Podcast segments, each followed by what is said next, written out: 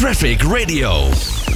Afgelopen week kwam het nieuws naar buiten dat de Franse vliegtuigbouwer Airbus een vliegtuig gaat testen dat wordt aangedreven door waterstof. En dat gaat gebeuren met een aangepaste versie van de A380. En ook hebben ingenieurs ontdekt dat ze vliegtuigen zuiniger kunnen maken door een zelfklevend vel dat een beetje lijkt op een haaienhuid. Dat plakken ze dan op het vliegtuig. Nou, en dat zou allerlei uh, dingetjes moeten schelen en dus het vliegtuig zuiniger moeten maken. Ik zelf weet er niet zoveel van, maar luchtvaartdeskundige Menno Zwart wel. En daarom hebben we hem aan de lijn. Menno, goedemiddag. Hoi, goedemiddag. Ja, allereerst laten we eens eventjes uh, ons richten op dat waterstof. Waar vliegtuigen, of in ieder geval Airbus, dus wil gaan testen of ja. je een vliegtuig kan laten vliegen op waterstof. Bij auto's zien we het al een beetje, daar wordt al heel veel mee getest. Bij vliegtuigen is dit echt nog nieuw, hè? Ja, dat is nog heel erg nieuw. En bij die Airbus is er zo'n grote Air, Air, zo'n Airbus A380. Ja. Maar dan gaat er maar één zo'n motor gaat er op uh, waterstof. En die zit niet, hij, hij, hij vliegt gewoon met vier motoren op gewone kerosine. En dan zit er een waterstofmotor zeg maar, aan de zijkant bij de staart. Dus het is echt nog een test. Oké, okay. en daarmee willen ze testen of het krachtig genoeg is, of het, uh, ja. nou ja, ja precies. De temperaturen zijn hoger, de snelheid is hoger, of niet, niet de snelheid van het vliegtuig, maar de snelheid van de luchtstroom. De verbranding is ook sneller van waterstof dan zeg maar gewoon kerosine. Dus ze moeten daar ervaring mee opdoen. Hoe gaat dat?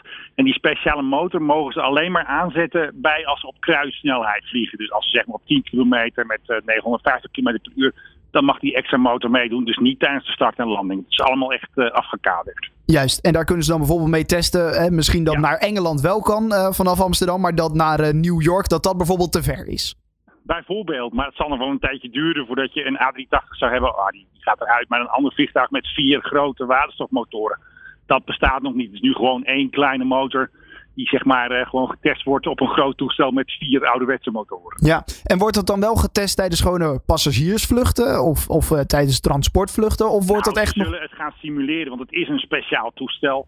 Het is niet gewoon zeg maar een Airbus die zeg maar ook passagiers vervoert. Maar nee. ze zullen uh, gewichten of ik veel spullen aan boord brengen alsof het een passagiersvlucht is. Ze zullen natuurlijk wel die omstandigheden nabootsen alsof er vracht of passagiers bij. Maar het is een speciaal vliegtuig van Airbus die helemaal is uh, omgekapt, kleurtje erop, E0 erop natuurlijk. Hè, want ja. ze willen geen, geen CO2-uitstoot. En daarmee gaan ze gewoon testvluchten uitvoeren.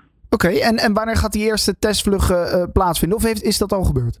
Nou, die motor die bestaat al. En het is natuurlijk allemaal weer een samenwerking tussen CFM, International About Motor, Airbus. Draagt dit bij. Er zijn natuurlijk allerlei partners die, um, ja, die gaan meedoen eigenlijk uh, eraan. Um, kijk, ze hebben nu een soort contract getekend. Dat was in oktober.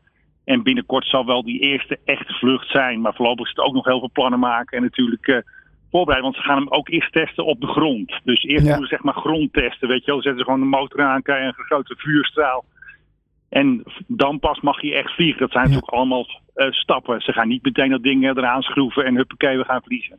Nee, precies. Uh, ik kan me wel voorstellen dat als dit dan eenmaal hè, getest gaat worden, en dat zal dus nog even een tijdje duren, maar als het dan helemaal getest gaat worden en als het ook werkt, dat andere vliegtuigbouwers, ik noem een Boeing, dat die staan te springen om ook op waterstof over te gaan. Of, uh, merk jij dat er veel animo is ook bij andere luchtvaartbedrijven? nou, Boeing kijkt iets meer de kat uit de boom. Boeing kijkt meer naar dat SAF, hè, dat uh, Sustainable Aviation Fuel. Dus die zijn nog niet erg bezig met waterstof. Het is voorlopig alleen Airbus en die ene fabrikant, de CFM, werkt weer samen, is weer een, een ja, dochteronderneming van General Electric Aviation. Dus Boeing kijkt vooral naar andere brandstoffen. Oké, okay, die zullen misschien niet uh, als eerste zijn uh, met waterstof. Nee, nee, Airbus is nu even leading met zeg maar de waterstofmotor. Uh, ja, oké. Okay. Nou, dat is dus al innovatie in, de, vlieg, ja, in de vliegvaartbranche. maar dan is er ook nog iets met een haaienhuid. Ik heb er zelf... Ik, ja. ik, ik, we kwamen dit ineens tegen samen met de redactie en wij zagen dit. Ja. wat is het precies? Wat, wat gaat dit doen? Nou, het is, kijk, er zijn twee soorten. Ik zal die andere soort straks ook nog even uitleggen. Dit is eigenlijk heel dun. Dit is haar, zo, ja, zo dik als een haar. Het zijn hele kleine schubbetjes. Ja, je hebt natuurlijk zwemmers, die hebben ook vaak al zo'n speciaal zwempak ja, aan. Ja.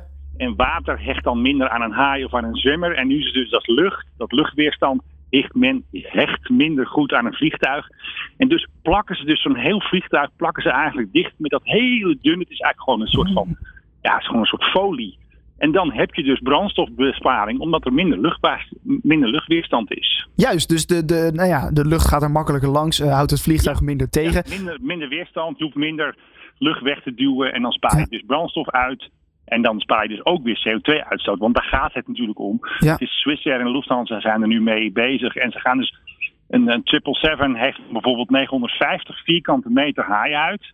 Dan bespaart die 138 liter minder per uur. Dat klinkt heel weinig, maar als je dat op jaarbasis van zoveel toestelt, dan ja, is het toch leuk. Maar het is ook voor de bühne, hè, want op het totaal scheelt het nog, nog niet zoveel. Het is natuurlijk gewoon een mooi project om mee bezig te zijn. Om, om te laten zien, we doen iets. Ja, ja, ja. ja. Nou ja, maar, maar goed, toch, het, het scheelt al wel weer aardig wat. Ehm, eh, jij zegt er zijn twee versies. Eh, wat is dan de Nou, andere ik versie? eh, ik, ik had wel eens eerder ook iets gezien van de luchtmacht. Die hebben dus van die Hercules transportvliegtuigen.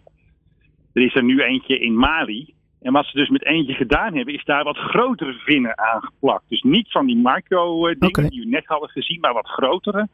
En dat levert ook al een brandstofbesparing op van 4 tot 7 procent. Maar die zijn dus niet een haar dik, maar die zijn zeg maar een paar centimeter breed. Die zijn niet scherp en die zijn dan tegen het toestel aangeplakt.